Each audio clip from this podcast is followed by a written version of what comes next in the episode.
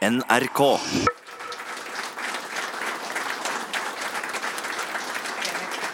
Eh, God kveld.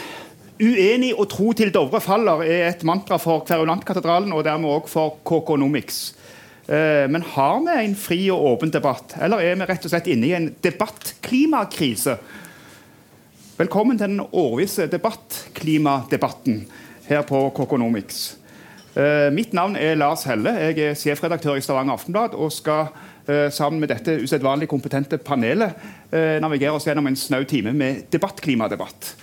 Og Hilde Sandvik, som bl.a. er redaktør for Broen XYZ, Nordenfan, eller nordist som det heter. Du var jo med i fjor, og da kommer du nærmest direkte, litt sånn småskrekkslagen fra Segerstedt-seminaret i Sverige. Og, og vi snakket mye om svenske tilstander og den svenske debatten kontra den norske. Og jeg har lyst til å begynne litt der i år òg. Eh, er det fortsatt stor forskjell på dette? Du er jo virkelig en kjenner av den nordiske debatten. Mm, ja, men jeg, jeg synes Det siste året så har vi fått sett eh, flere tegn på at vi begynner å nærme oss i sånn svensk retning. nå. Mm, i, og i, no, i norsk debatt. I enkelte områder av debatten. Eh, på den måten at f.eks. så har altså, begrepet, altså begrepet identitetspolitikk, som knappest har vært på trykk i norske medier 2016-2017, så begynte det liksom å ta seg litt opp. Og nå ser vi det i mye tydeligere grad. Og Jeg snakket med en av de som faktisk skulle ha vært med i denne debatten, Åsa Linderborg, som har eh, jeg tror jeg kan referere uten at du arresterer meg på det, som sa at Norge har eh, vært for henne en sånn frihavn eh, fra den eh, svenske åsiktskorridoren der du blir stempla hardt og brutalt hvis du mener feil. Eh, og nå har du nettopp vært i Norge og deltatt i en debatt, og så våger meg, så opplever du at den samme typen retorikk da var begynt å sive inn òg i, i den norske debatten, som handler om hvem skal få lov til å si hva, og på vegne av hvem. Eh, jeg er jo engstelig for den type debatt, uten at jeg tror at foreløpig så er det sånn veldig strengt. Eh, men eh, jeg er redd for en debatt der vi snevres inn eh, til å handle om bare ytterst få som kan snakke på vegne av noen. Så det er ikke bra at Norge nærmer seg Sverige i Nei. denne sammenhengen? Nei, og så har vi samtidig også sett, og det er også interessant da, når du ser, altså For det som kjennetegner den svenske debatten, og det kan en annen panelist eh, understreke her, men, eller si noen ting om, eh, det er jo at den er ganske Den er, ikke, den er veldig polarisert, faktisk. Eh, og har vært polarisert. Og nå ser en at, dan- at eh, eh, Jimmy Åkessons eh, parti er, er på vei opp eh, på meningsmålingen igjen i Sverige. I Norge så tenker jeg at det du så i lokalvalgkampen med bompengeaksjonen, sier noen ting òg om en, en tydeligere polarisering av enkelte fronter. da. Ja, Vi skal kanskje komme tilbake til det. Vi skal gå til den andre panelisten. Fredrik Virtanen, kommentator, eh, journalist og, og forfatter. Eh, har Hilde noen poeng med den, den svenske åsikten? Ja, ja, ja, det er klart hun har det. Men det har faktisk det har virkelig vært så eh, under lang rekke år at fri debatt har vært svår, brännmärkning skjer ofte. Men nå har det derimot har vi då snarere nærmet oss Norge kan jag tycka i vissa frågor. Eh, Det har liberaliserats i vissa... För oftast talar vi ändå om eh, invandringsfrågor, alltså rasismfrågor, att eh, man vill tala om invandringen. Det är också huvudkärnan i just det här. Eh, och nu i Sverige vill jag påstå de senaste året har spjällen öppnats ganska väl i mainstreampressen. Att, att nu får man fan i mig säga vad som helst eh, eh, i invandringsdebatten. Eh, det har verkligen blivit en förändring där. Alltså, det vill säga högern har blivit starkare. Sen har vi såklart kvar eh, de stora likriktarna i Sverige, alltså Dagens Nyheter och så. Och där är det fortfarande svårt. De kör bara sin linje. Och de är väldigt mäktiga och så. Men i SVT till exempel, Sveriges Television, alltså vårat NRK, så eh, eh, kritiken kommer nu å andra sidan då från vänstern att det gullas så enormt mycket med Sverigedemokraterna just för att just det varit sån, de var så illa behandlade förut så nu ska vi väl släppa fram dem som fasen och de får säga vad de vill och de ska alltid vara med i alla paneler. Så där har det blivit faktiskt eh, paradigmskifte. Eh, Fordi. I fjor da vi diskuterte dette her, så hadde det vært en episode i den svenske valgkampen hvor SVT beklaga at de slapp eh, Sverigedemokraterna til med en, en påstand i en debatt. Ja, just det. Och det blev de fällda för faktiskt, just det uttalandet sen, att de inte skulle lägga sig i och kalla deras uttalande rasistiskt. Sådär. Eh, Men samtidigt har vi då såklart, vi har ju olika vilket nivå vi ligger på, men på nätet eh, är det fortfarande så att de arga, unga, högerradikala männen som ägnar sig åt väldigt mycket näthat.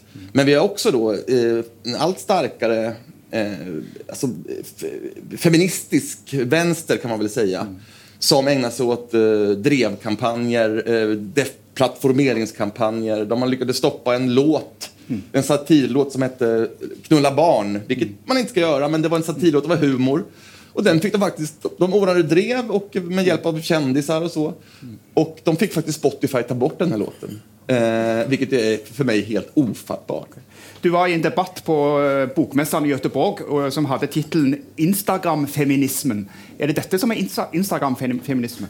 Ja. Eh, den er veldig stor og svår å navigere i enn så lenge. Det fins mange grener der, så klart. Det er litt som, og nå faller den sønder i Sverige. Det er som bokstavsvänstern på 70-tallet. litt grann. Eh, men principen er at, mycket, at den er veldig narcissistisk, identitet i seg selv. då. at man ser bare seg selv og sitt varumärke og så. Och visst är de. Och de är moraliskt högstående och slåss för eh, eh deras hjärtefrågor. Det kan ju vara då eh, sexualbrottsaktivister, så barn, eh, drabbade själv av saker. Eh, de har ju liksom hjärtan av guld. Det är som eh, trevliga kyrktanter på många vis. Liksom. Men deras metoder är obehagliga. Och stora medier fortfarande lierade med det här gänget för att de står för någon PK-radikalism snarere enn Instagram-feminism. Bjørgulf Bronn, politisk redaktør i Klassekampen. Eh, Norge nærmer seg Sverige, sier Hilde Sandvik. Sverige nærmer seg Norge, sier Fredrik Virtan. Du var jo òg på dette Segerstedt-seminaret i fjor og har fulgt utviklingen senere. Hvem har rett, eller har begge rett? Jeg syns det er vanskelig å drive sånn vi er bra og de er dårlige. Det er sånn norske landskamper eller norsk-svenske landskamper. Men jeg føler vel at det som er min interesse, primære interesse her, det er det jeg føler er en slags eh, Det er en tenkning om hvordan eh, negative ting i det politiske skal bekjempes. Og jeg føler at den holdningen da, som sier at hvis du får, får tystet det og, og, får det fjernet fra våre rom, så har man på en måte løst problemet. Det er det jeg syns er altså Det er den tankekonstruksjonen. Og hvor jeg tenker at f.eks. Når, når Trump vinner valg, eller andre ubehageligheter skjer, da, så, så, så tenker man ja, hvordan skal dette bekjempes?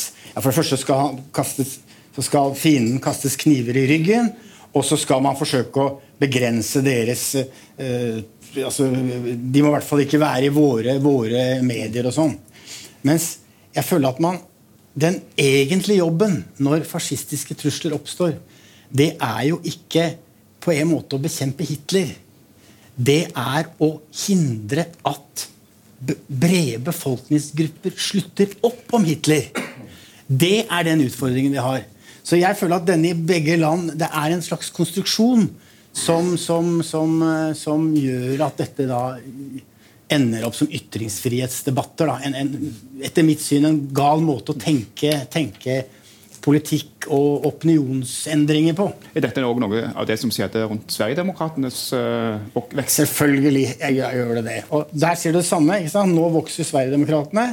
Skal man da isolere han enda mer? Skal man skyte enda mer på han? Eller skal sosialdemokratene legge seg på en politikk som gjør at de vinner tilbake de velgerne som nå går til eh, Sverigedemokraterna? Det er jo selvfølgelig det åpenbare svaret.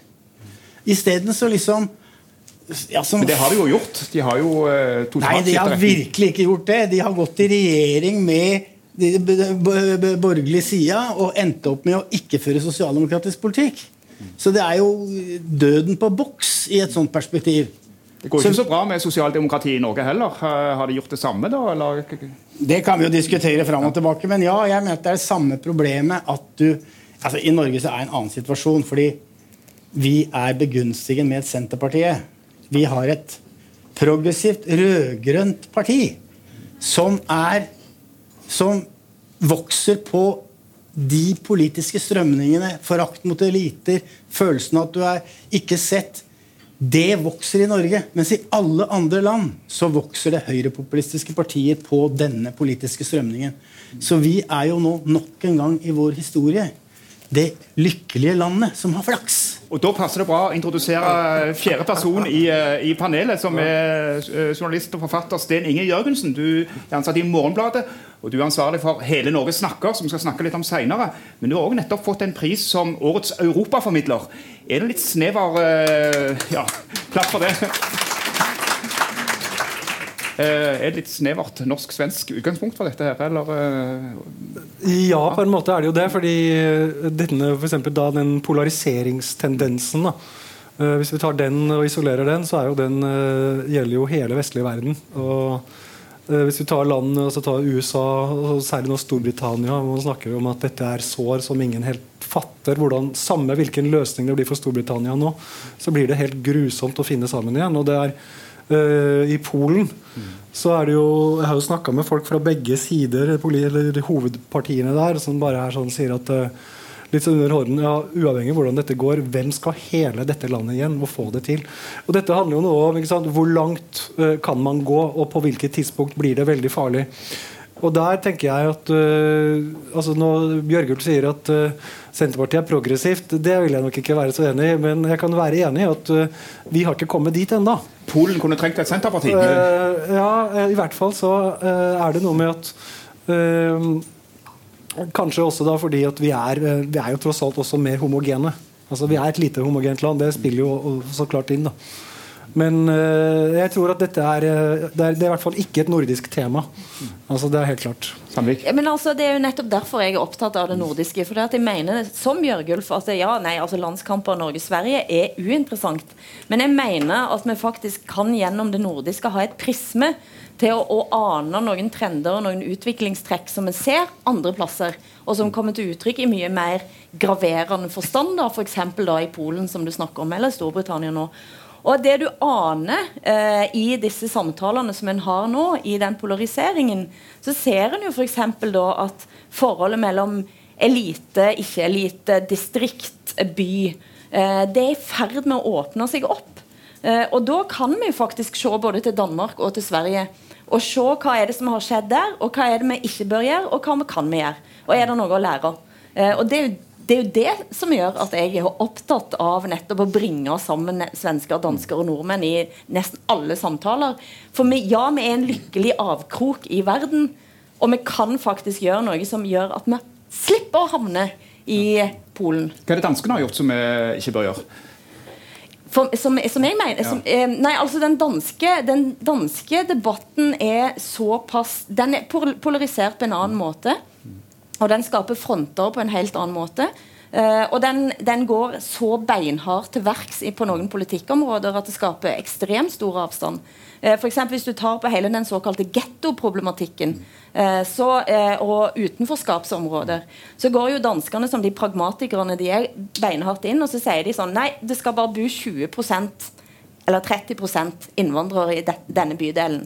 Som fører til at folk som kanskje har bodd der i generasjoner, eller hva som helst, eller adoptert for, altså, nå setter de på spissen, føler seg fullstendig tilsidesatt. Og på sikt så er det en ganske skadelig og farlig politikk. Fredrik Virtan, da du var med i denne debatten for ett år siden, så var det fortsatt eh, høy temperatur i metoo-debatten. Du var havna eh, litt ufrivillig kanskje i, i, senter for den. Du eh, var blitt beskyldt for ganske stygge ting på sosiale medier osv. Eh, du ville gi ut en bok som du ikke fikk gitt ut i Sverige, men som ble gitt ut i Norge. Eh, du nevnte i litt andre sammenhenger at klimaet er litt annerledes nå. Er det, er det, gjelder det i denne Ja, det er det jo. Eh, da var jeg jo fortfarande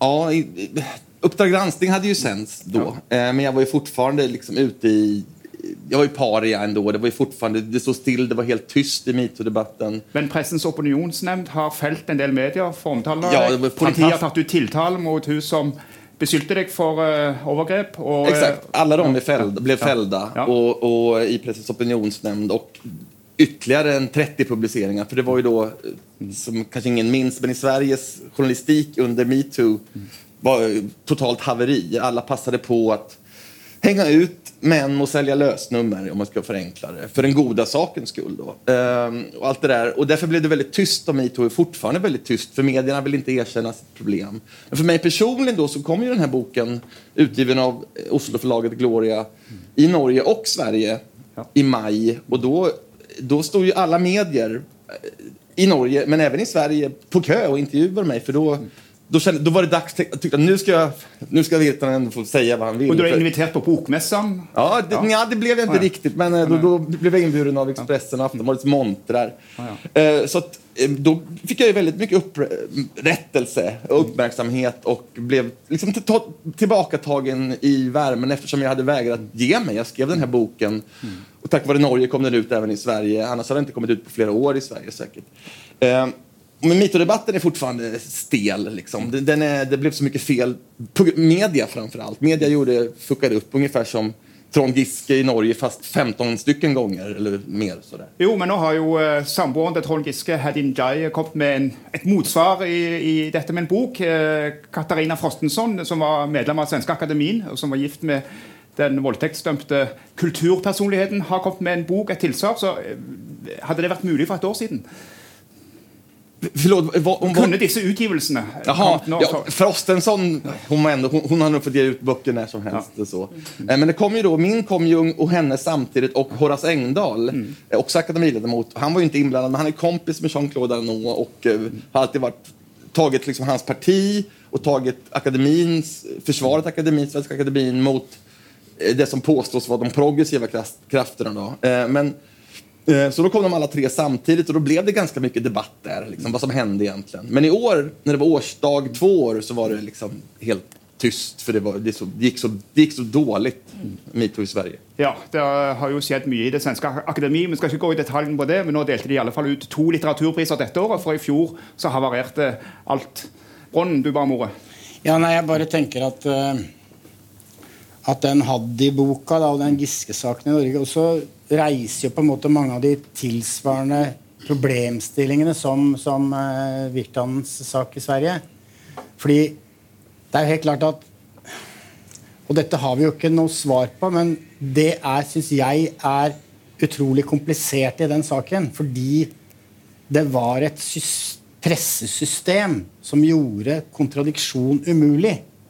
Altså, snakker du om Norge eller serien? Nå? nå snakker jeg om Norge og Giske-saken. Ja. Ja. Fordi Eh, fordi eh, under hver eneste sak så sto det eh, varslersaker som gjenga liksom eh, i syntetisert form det som, det som eh, anklagen mot han gikk ut på. Så sto det Giske vil ikke eh, er, Vi har henvendt oss til Giske, men han, han har ikke villet svare. Problemet var jo at han kunne ikke svare, og han fikk ikke lov til å svare heller. Fordi han ble ikke presentert for det, den konkrete påstanden. Og Dermed så var kontradiksjon helt umulig for han, og så endte det opp med at han heller ikke fikk mulighet til det i Arbeiderpartiet. I, i, i deres behandling. men Det er en, det er en annen, annen, sak. Men så jeg mener at det systemet da, det går ut på at man kan egentlig få lov til å anklage hvem som helst for hva som helst uten at det er noen kontradiksjon i medienes dekning av det. Og det er helt uavhengig om vi tror på varslerne eller hva vi mener om saken. Jeg mener det der eh, må norsk presse og norsk offentlighet på en eller annen måte gå mye mye dypere inn i. For det er en situasjon som, er, som gjør personer rettsløse. Og i et potensielt, da vi snakker om polarisert klima, i et klima hvor, hvor, hvor, hvor stemningene nå var det ganske opphissa i Giske-saken, men det kan bli andre typer sånne drev ikke sant? Hvor, hvor, folk virkelig er engasjert og virkelig er forbanna. Så glipper hele det grunnleggende rettsvernet som vi som enkeltpersoner må ja, men så er det jo, og, men, och det här var ju så i Norge och det här var ju så i Sverige då bland många fler som ble, fick vaga anklagelser og ikke konkreta och så. Men då kan jag tänka mig, och då i Sverige, apropå det här vi talar om just nu, debattklimat, det var helt otillåtet. Det fanns ingen eh, som vågade gå emot strömmen och skriva. Det fanns ingen som publicerade, ingen som tog in det. Förutom såklart då, Åsa Lindeborg. Mm. Och framförallt var det bara en norsk Du var då kulturredaktör i Aftonbladet. Ja, det. Som det och det var Marte Michelet eh, som skrev en, en, artikel redan i november 2017. Mm. Där hon såg allt framför sig, hur den här rättslösheten, hur den kommer backfire. Och det har den gjort också. För att nu är ju liksom männen en, mer antifeministiska än någonsin i Sverige. Det är färre som kallar sig feminister än på, eh, på 40 år. Eh, efter, efter det här övervåldet som media och den här, jag vill inte kalla dem feminister för det är inte vad de är, de är narcissister. Men ehm, vi får väl lov att göra det då. De här radikala feministerna som hängde ut och lynchade och ville ha blod och kasta stenar. Har feminismen fått en annen klang, Sandvik? Eh, altså, feminismen har i mange miljøer alltid hatt en odiøs klang. Eh, og det, det kommer sikkert fortsatt til å være. Eh, jeg bare hadde lyst til å si en, li, altså en liten forskjell som jeg opplever mellom Virtanen sin sak og Giske sin sak, er maktforhold. Eh, altså, Giske var en eh, altså nestleder i et stort parti. Uh, og, og Jeg syns ikke det har noe med saken å gjøre. jeg mener ikke det har noe Det er si sånn typisk pressa forsvarer nei, seg med. Nei, men det var ikke det jeg skulle si. Jeg skulle si at jeg mener I utgangspunktet så, hadde det, så var det en annen dreining, men konklusjonen din er en helt annen. Altså den, Det du snakker om, er reelt. Og det er en problemstilling som er nødt til å se. Ja. Og det syns jeg er interessant i Virtanen sin bok. Eh, fordi det du gjør der, og som du både er blitt kritisert for, og som jeg syns er fascinerende, for en ville, kanskje, en ville ikke fått gjort det i Norge, var det som vi òg har snakket om, at du gjengir politi, eh, politiavhør eh, både med deg sjøl eh, og med hun som har anklaga deg. Eh, Så kan en si at en kan lese begge to, og så kan en tenke at ingen av dere snakker helt sant. Fordi det er lett å tenke, ok, men her Men det er jo òg en slags form for kontradiksjon som er interessant, da. For du får faktisk lese hennes eh, gjengiv, altså hennes eh, vitnesmål til politiet. Eh, og det, det, er typisk, det kunne vi ikke gjort verken i journalistikken tror jeg, eller i bøk, boksform Men, men, i men Norge. Braanen, du snakker jo om, du snakket jo om et nestedrev, en eller annen debatt. Eh, Er det tegn som tyder på at norske eller svenske medier har lært noe av, eh, av metoo? Nei. Nei, altså, nei, altså jeg har jo jobba i pressa en stund, og jeg mener at dette skjer fra tid til annen. Og jeg mener at, altså at du får disse drevene, og du får, du får opprørthet blanda med aggresjon og, og sånn. Og som regel så er jo dette her i utgangspunktet helt rettferdig harme. Altså det, er ikke, det er ikke det som er spørsmålet, men det oppstår et drev som det er ekstremt komplisert å stå imot og, og være den stemmen som, som sier, sier noe annet. Eh, det koster deg så ekstremt mye. Jeg har gjort det i noen sammenhenger, men jeg Dette er Hva var prisen? Nei, altså, poenget er ikke sant, for eksempel, hvis, eh, hvis du tar da, ikke sant? Så, så er det jo for, for Klassekampen så er det jo Vi kan jo si alt som er dritt om fascister og rasister. ikke sant? Det koster oss ingenting. Der kan vi være så tøffe vi bare vil. Det finnes ingen det finnes ingen som kritiserer oss for det. Ingen som, som tar oss for det. Det er ingen som gidder engang å sjekke om det vi sier, er riktig. Fordi det er liksom Det er vårt lag. Men hvis vi sier noe den motsatte veien, spesielt hvis det er opptrer, om det er med gjengvold eller et eller annet i en innvandrerfamilie ja, så, så er det ekstreme svenske tilstander. så, ja, det, altså, det er ekstremt. Men jeg tror dette, det har ikke noe med svenske siden norske Det er bare Sånn er vi som flokkdyr. Og vi har gjenger, og vi har, vi har liksom grupper av meninger. Og, og det å liksom stå for noe annet i sånne Og når harmen kommer, ikke normalsituasjoner, da går det an å si mye rart, men når den harmesituasjonen kommer, så skal vi ha ekstrem ryggrad. Og det tror jeg ikke er noe som Varsomplakat eller noen ting. Det er bare vårt eget forpurte moralske ansvar overfor oss selv og Gud at vi klarer å stå oppreist i sånne situasjoner. Og da får du en kjapp replikk. i Sandviken. Replikken er at det sier ganske mye, selv om det er anekdotisk bevis, muligens. Men jeg leder altså en debatt på Sentrum Scene dagen etter NHOs årskonferanse om metoo ett år etter. Eh, og det var rent kvinnepanel. For ingen av de mennene som var blitt spurt om å være med i det panelet, sa ja. For de orka det ikke. Hvis du var mann og 50 år, hadde det Nei, men 50? Det var, det var spurt menn som altså, De mennene som allerede da hadde faktisk vært ute. Trengte ikke være 50 for det. Altså, de, de ville bare ikke være der. De ville ikke assosieres lenger. De ville ikke på en måte ha det der stempelet i panna. Det er, altså For min egen del så merker jeg at det er mange debatter jeg nå rett og slett det siste året ikke gidder å gå inn i. Tyskertøsen etter krigen er jo tror jeg, det klassikste eksempelet på dette her. Alle i dag sier 'fy faen', liksom. Hvorfor gjorde dere det? Hvorfor behandlet dere tyskerbarn på den og den måten? Men det gjorde vi alle sammen. Nå levde ikke jeg da, men altså, det gjorde alle. Ja. Eh, Jørgensen, eh, for et års tid siden på disse tider så lanserte du og, og Morgenbladet, DN og NRK mange Hele Norge snakker. Eh, og nå har dere jo testa det ut eh, en stund. og sånne ting. Er det, er det et eller annet eh, behov der når harmen kommer, for å snakke på en annen måte? Hva, hva er erfaringene så langt? Ja, vi hadde vel eh, 3600 påmeldte, og av de så ble det 1000 par. Altså 2000 deltok. Og, Og bare Forklar litt er av ingen- konseptet ja, for ja, de som ikke har ja. hørt om det. Mm. Det er altså et, en programvare som lar folk møte meningsmotstandere ansikt til ansikt. Dette skjer ved at du først svarer ja-nei på sju spørsmål. Og så blir du kobla med en person som har svart annerledes, som bor på samme postnummer som deg. altså i ditt nabolag. Og så får dere utvekslet informasjon sånn at dere om hverandre, så dere kan avtale et møte. Uh, og det så kan man si liksom 3600 meldte seg på, og så var ikke programvaren så god at alle fikk matcher, og noen falt av. og sånn, Så det ble 1000 til slutt. Men det, da, det var jo første gang det ble gjort i Norge. Eh, og det er jo gjort nå i 15 europeiske land. I Tyskland er det gjort i to omganger og i mye større skala. Så det begynner å bli ganske mye erfaringer rundt det. da. Og her var jo utgangspunktet nettopp å motvirke polarisering. altså Man hadde da en tese om at eh, særlig nettdebatten, en av grunnene til at den har blitt så grov, er at man ikke har kontakt med de man diskuterer med. Og man tenkte da, ja vel, Hvis vi skal finne tilbake til ansikt-til-ansikt-situasjonen, så må, det, må jo det gjøre noe med debatten. Og det har man jo fått bekrefta. Altså, det var liksom øh, og det Der var det full klaff. Altså, det var Tilbakemeldingene var unisone. Altså, det var jo en episode fra en sånn pilot som NRK kjørte på det, øh, hvor en en ung, radikal gutt fra Oslo hadde møtt en eldre, konservativ dame fra Bærum. Uh, vet ikke hvordan det hadde med postnummer akkurat den matchen, men i hvert fall så var det da uh, De var uenige om sju av sju spørsmål. Og etter da at de hadde diskutert en time, så, så uh, sier, og NRK snakka med det etterpå, så sier hun dama at hun følte som hun hadde fått et nytt barnebarn.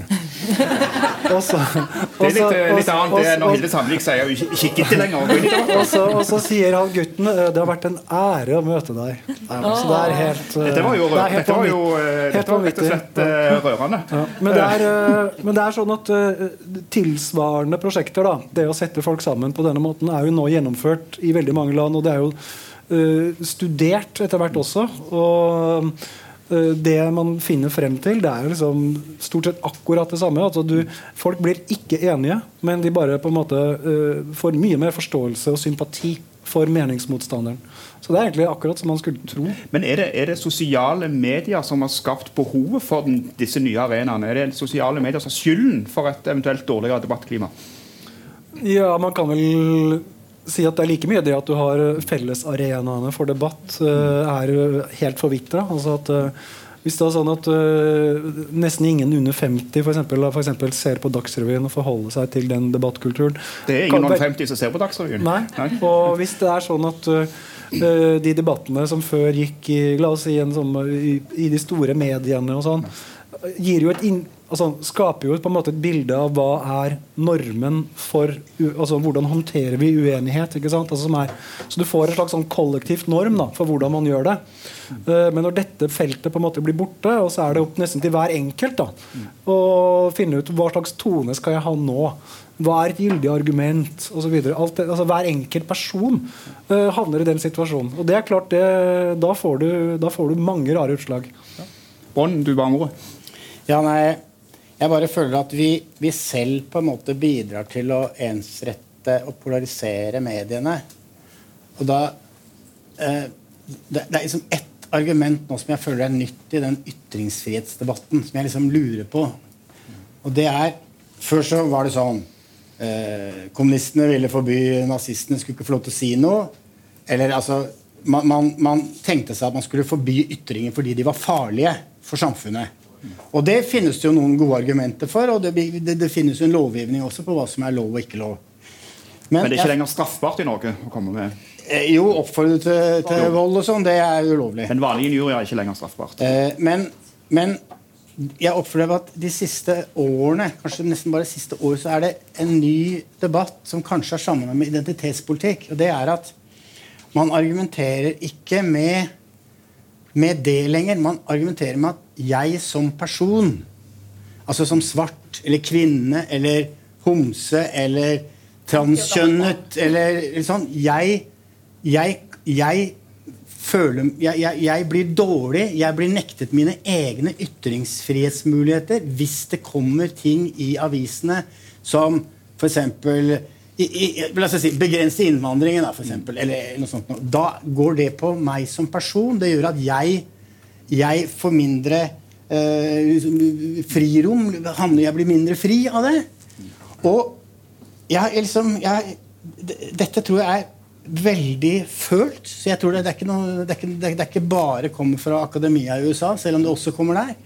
Men jeg bare lurer på Problemet med det er jo at hvis du drar det argumentet ut i, in absurdum, så, så, så, blir det jo en hel rekke ting som, som, som ikke kan sies. Krenkomania. Og vi må jo på en måte gå ut fra at vi Nå skal ikke jeg si at ja, du tåler alt, liksom, men vi må jo tåle eh, for i, in, den intellektuelle samtalens skyld, den politiske samtalens skyld, at det kommer synspunkter som vi selv blir krenket av eller misliker. Eh, altså, hvis ikke så, så, så, bryter hele systemet sammen. Jo, men For å ta utgangspunkt i dette, for Vi kan jo ikke ha en debattklimadebatt uten å dra inn klimadebatten.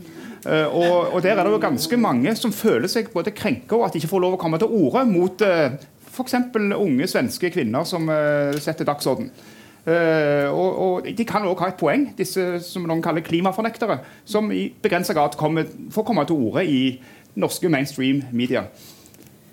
Nej, ja. det tror jag vi var uppe redan förra året. Att ja. Eh, där är det i norsk media konsensus. Ja. Där får ni inte prata om... Klimatförnekare får inte komma till tals här för ett år sedan. Är det så fortfarande? Jag tror det. I Sverige är det såklart delvis likadant. Och där vi har ju Greta, Greta Thunberg som eh, vår nationalhjälte nu. Bland eh, 70 procent i alla fall. Sen har vi då 30 procent som eh, irriterade som tusan på henne. Det är väl ungefär som resten av världen. Um, men klimatfrågan, där är det ju svårt. Uh, för att där har vi forskningen som har massa åsikter. Och där är ju, vi lever ju, det du var inne på tror jag, uh, identitetspolitik var det, och internet som du pratar om, sociala medier. Vi har ju de senaste sen internet kom, om det beror på internet eller om det beror på en allmän samhällsutveckling, förmodligen går ihop, så lever vi väldigt mycket i ett känslosamhälle nu för tiden. Alltså intelligensian och akademierna spelar andra fiol i känslomedierna som är rörlig bild, och likes och sociala medier. Det, det, det, ska, det ska slå till hjärtat, så ska man klicka sin like och sen ska man bli engagerad, så skriver man din jävla rasist och sen, och sen skriver man, och sen blir det, oj, det, vad skriver jag det för? Och då känner den personen sig tystad. Men vi lever i extrem känslotid eh, och den där är väldigt svårt att bortse ifrån. Och den är ju kommersiell, för den här driver ju Eh, den starka vågen, drevet som är just då, där alla engagerade dig, alla bara hänger på. Eh, och då vill tidningarna sälja mer lösnummer, att då gå mot strömmen om Klassekampen ska göra det. Det kostar jättemycket såklart, det kostar fruktansvärt mycket i den stunden. Sen tittar man tillbaka på det ett halvår senare, kanske bara en vecka senare, så var det inte så farligt. Men då är det fruktansvärt svårt att gå emot en sån känslostorm, en antiintellektuell känslostorm. Nei, men, Bjørgulf ga jo akkurat det tydelige eh, fortellingen rundt identitetspolitikken som vi snakket om innledningsvis. Det var akkurat det Åsa Linderborg da aner at er i ferd med å sive inn i norsk, eh, norsk samtale. Da. Noe jeg tror kanskje at hun har rett i. Men det, er, det som er interessant, er jo at flere av disse debattene plutselig konvergerer. Eh, at klimafornektere òg er innvandringskritiske, f.eks. I Sverige så ser du det ganske tydelig. Jeg, en, jeg har et sånt program som heter 'Norsken, svensken og dansken', sånn live-konsept, som også går på radio. og Da hadde jeg bl.a. Jean Frick, eh, som er en av alternativmediene som, altså redaktør av et av de alternativmediene i Sverige, som er ganske interessant. Og Da spurte jeg om det. Hva er det som gjør da at altså de som er rasende på innvandrere, òg eh, er rasende på Greta Thunberg? Uh, og så sa han at jo men Han mener 9-11 var en inside nei, eh, job? Men, det, men, men å, nå skal jeg si bare det, det her innvandring og, og, klima, da. For, for så sier han ja, men det er jo òg fordi at de samme folkene som har fortalt eh, folket at nei, inn, ø, kjempestor innvandring har ingenting å si. Det er bare bra for samfunnet. Det er de samme folkene som nå, som nå forteller deg at verden går til helvete fordi at vi har lagd det sjøl. Hvorfor skal de tro på det? Sa han. Jeg vet ikke om dette stemmer, men jeg synes det var ganske sånn interessant. Og det, det er liksom Noe av det, det, som Steve Bannon er god på, da, i hermetegn, er jo nettopp å sone alle disse her folka som føler at de er misforstått, inn i den samme type boks, og så snakker han direkte til de. Mm. Eh, og det er ikke fordi han er kanskje rasist eller han er kanskje det ene eller det andre, men han ser de der sentimentene i befolkningen, og så klarer han å, å lage en stor masse ut av det, som er sinte. Det var en lang replikk, men Jørgensen, du bare Det var ikke replikk, det var, en, det var et innlegg. Det var et innlegg, ja. Men det, jeg trodde det var en replikk. Ja, men det der er jo eh, så högerpopulismen, det er så de kalles i Sverige nu i alla fall, istället för nyfascister eller rasister, utan högerpopulister har blivit namnet. Mm. Och det är precis det du säger, det, det är ju eh, tveksam till att klimatförändringarna händer, mm. invandring är inte bra, Eh, kvinnor har för mycket makt. Liksom, det, det, det, är ju kärnfrågorna. Liksom, där. Och det är klart att Jean Frick har rätt i det. Att, varför ska vi tro på etablissemanget som har sagt att allt det här är bra när det visar sig att de tycker inte att det är särskilt bra. Och 22 procent i Sverige nu röstar på Sverigedemokraterna.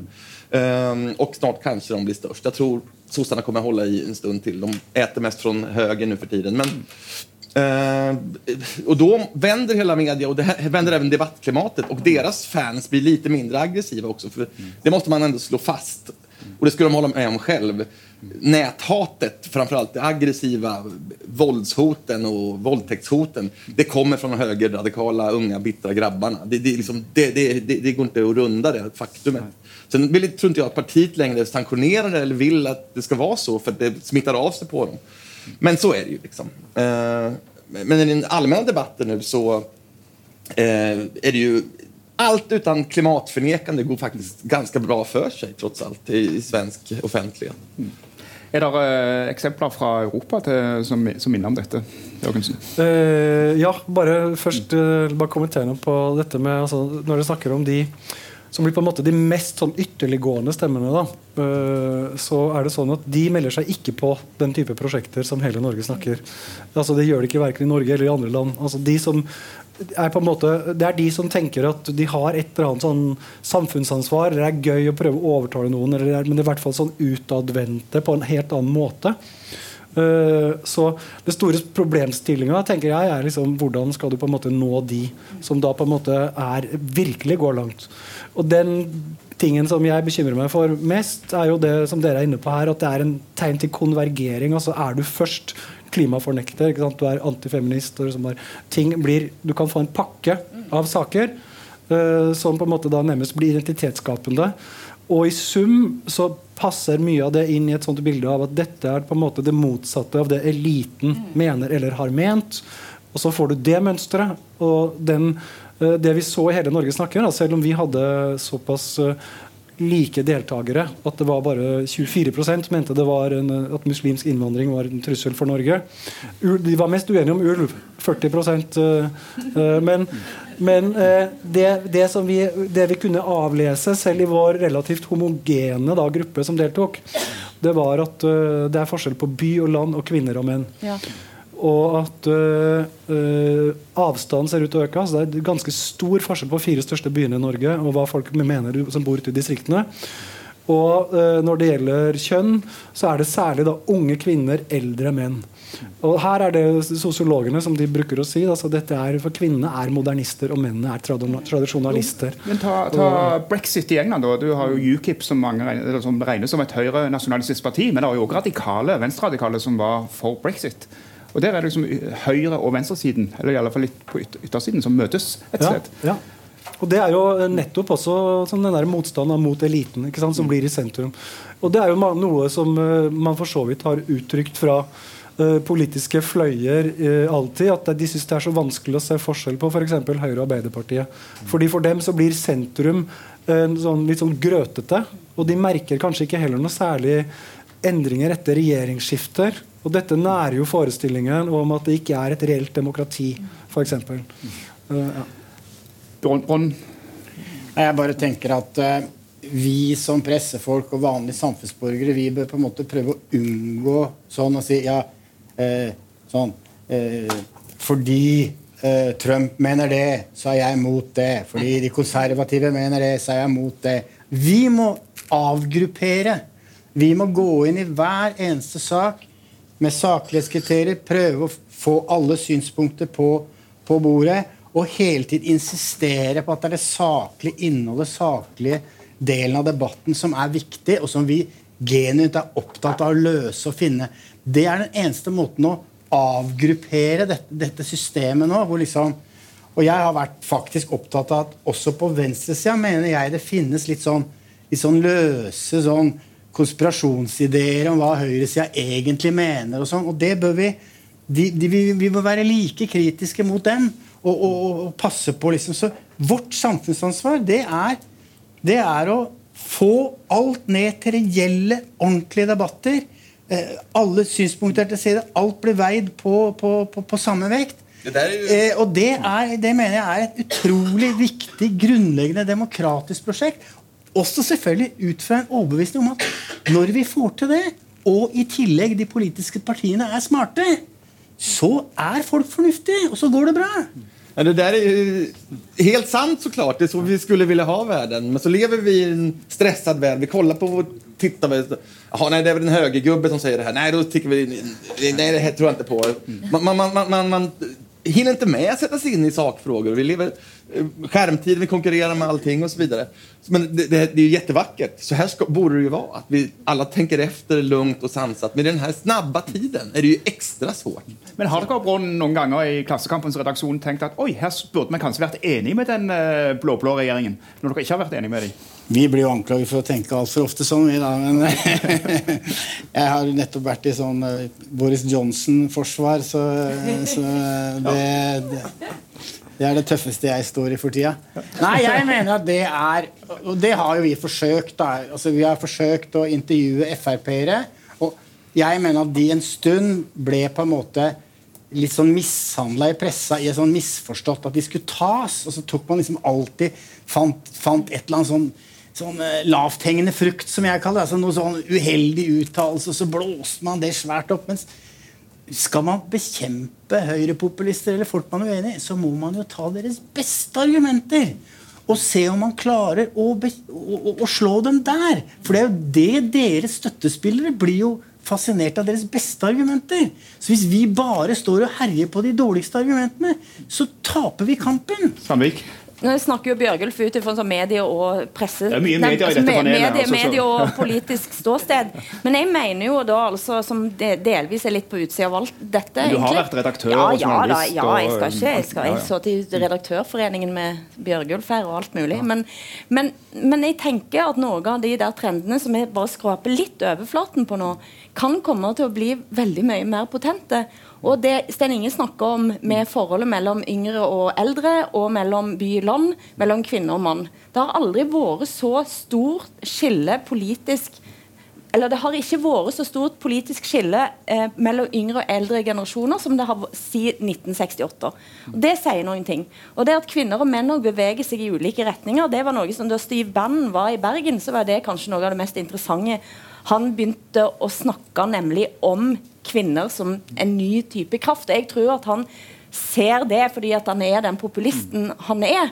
Og så ser han at det skaper et veldig stort trykk blant menn. Og, der, og de der linjene der tror jeg kommer bare til å forsterke seg. Og bare en sånn konkret ting for Norges del. Klimakrisen, eh, hvis vi kaller det det. Eh, de klimatiske forholdene kommer til å gjøre at store deler av Norge vil være utsatt for masse ras. Vi hadde Jølster som nesten bare raste ut. Uh, for, i, i, um, for, ikke så lenge siden. Uh, og det kommer til å skje mer og mer av, samtidig som Oslo vokser og vokser, og vil komme til å kreve storparten av statsbudsjettet for i det hele tatt å holde seg sammen. De skillelinjene som kommer til å komme i debatten, tror jeg vi bare skraper overflaten av gjennom bompengeaksjonene. Jeg, jeg, tror vi bare er liksom bare helt i starten av å se et helt annet type distrikt. Så de distrikt. neste debattene, de kommende drevene, de vil skje rundt by, land, sentralisering og den type ting? Ja, men vi, men vi må i hvert fall slutte å snakke om hvite, gamle gubber og andre stereotypier. Men jeg gjorde ikke det. Hørte nei, nei, nei, nei, jeg bare mener helt, helt generelt. Det, det er den samme polariseringen. Vi ja, må ta ja, hvert menneske Du ble jo nominert til en seniorpris for å si akkurat det. Ja, men, men, men, men, det er jo, jeg er jo helt enig, men, det er jo det, men poenget poenget er at hvis vi skal liksom se litt framover, så tror jeg at det kommer noen, noen ganske vanskelige diskusjoner og konfliktlinjer der. Jeg ble reven med sjøl. Altså, da jeg, hadde jeg sett en svær miljøvernfilm med Jane Goodall som har levd med sjimpanser i et helt liv og spist middag der og, og bare hørt om liksom, isfjell som raser ut. Og så får jeg liksom tekstmelding om at bompengepartiet er oppe på 17% Jeg holdt på å klikke i vinkel. Og det er første gang jeg har gått ut av mitt sånn altså Jeg ble sånn Facebook-troll. Jeg vil ikke kjenne noen sånne folk! Det gjorde så... Raymond Johansen i Oslo. Ja, ja men altså, han skulle sant? Men, men, jeg mente, men kan jo ikke det! Men, men tar du da sjølkritikk på dette nå? Så, altså, jeg tar selv, altså, poenget er at biased jeg satt i denne sammenhengen og så at verden holder på å gå til helvete, og klima bare sånn. Går verden til helvete når bompengepartiet får 17 Nei, men for meg så ble det sånn OK, miljø sant? Det er så store kriser i verden. Nei, vi skal kjøre bil. Altså, det ble så Jeg orka ikke det.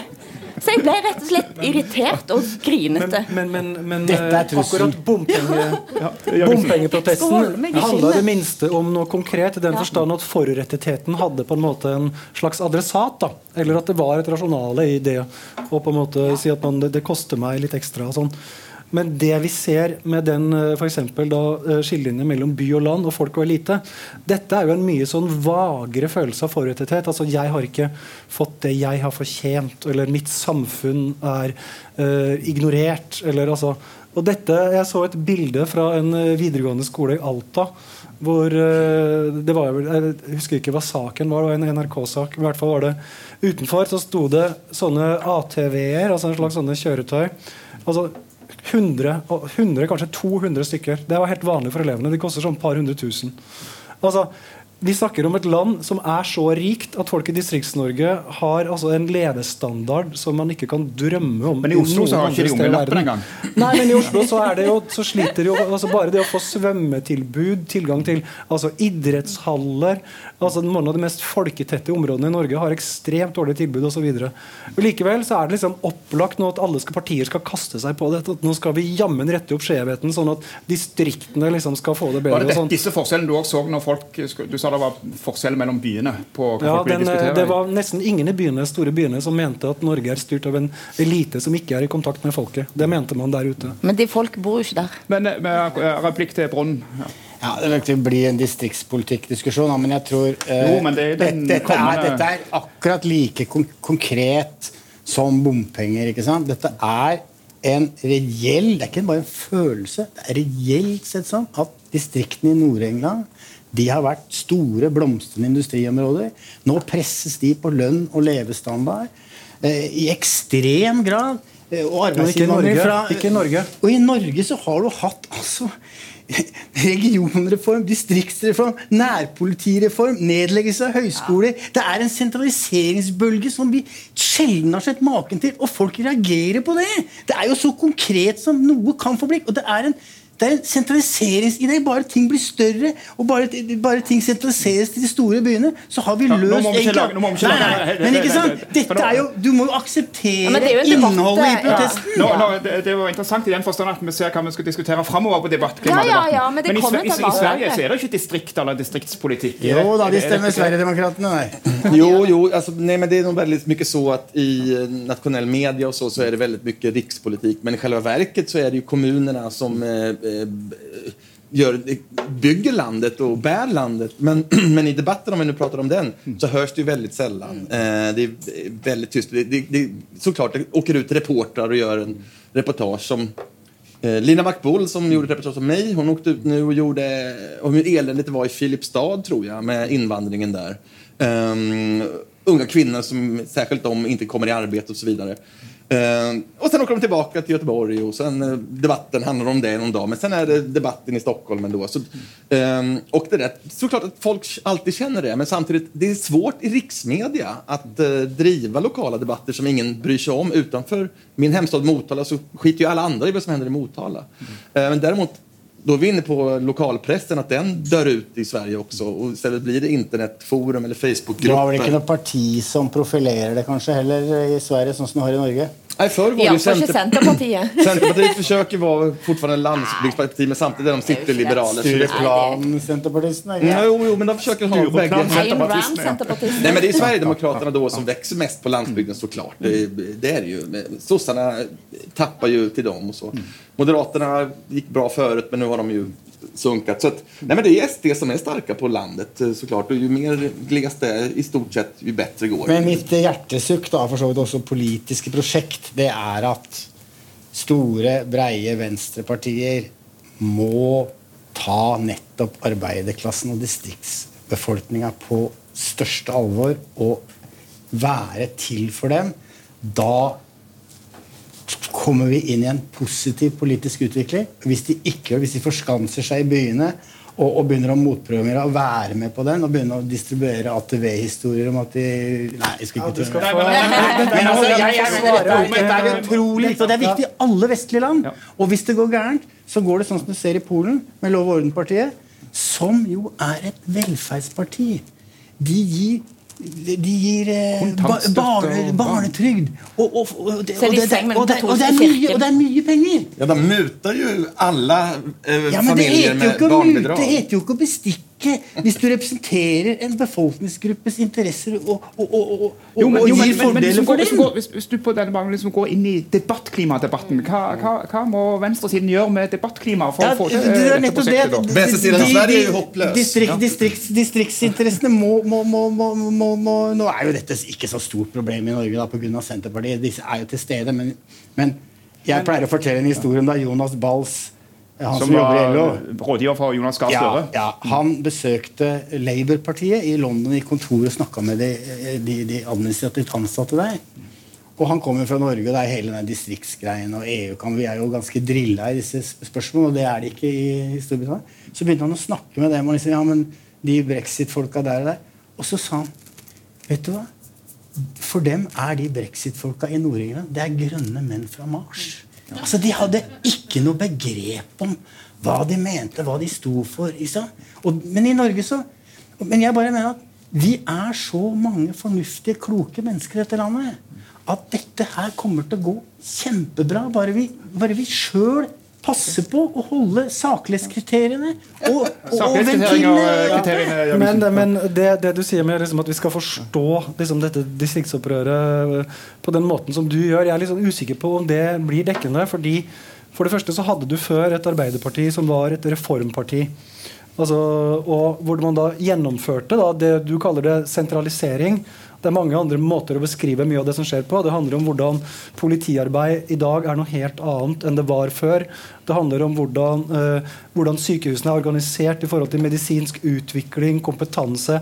Veldig mange grunner. Dette handler ikke om at du har en høyreregjering som ønsker å ta tjenester bort fra folk eller gjøre tjenestene dårligere for folk. Det kan man, dette kan man ha en faglig debatt om. Men poenget er at før, når Arbeiderpartiet gjennomførte reformer som gjorde at det kanskje ble liksom tynnere i rekken for noen på et eller annet vis, så på en måte kom ikke de de støtte? reaksjonene som kommer nå. Nei, de hadde støtte Ja, i ja, de miljøene. men-. Men til debattklimadebatten så er det jo også sånn at det er jo ingenting som skaper altså, som gjør oss så irritert og sinte og sure som sånne klassiske symbolsaker som NSB som skifter navn til Vy eh, og koster x antall kroner, og så opplever en at en får et dårligere jernbanetilbud. Hvis det er det en gjør. Altså Den type saker er det jo som er med på å skape de der frontene, tror jeg, da. Eh, og som skaper en eller annen form for raseri. Og politikerforakt. Det var du som åpna denne debatten Hilde Sandvik, med at du, det var noen debatter du ikke lenger orket å ta del i som tidligere. Hva, hva tenker du fremover, eller hva tror du framover? Hva skal til for at du skal kaste deg inn i det igjen?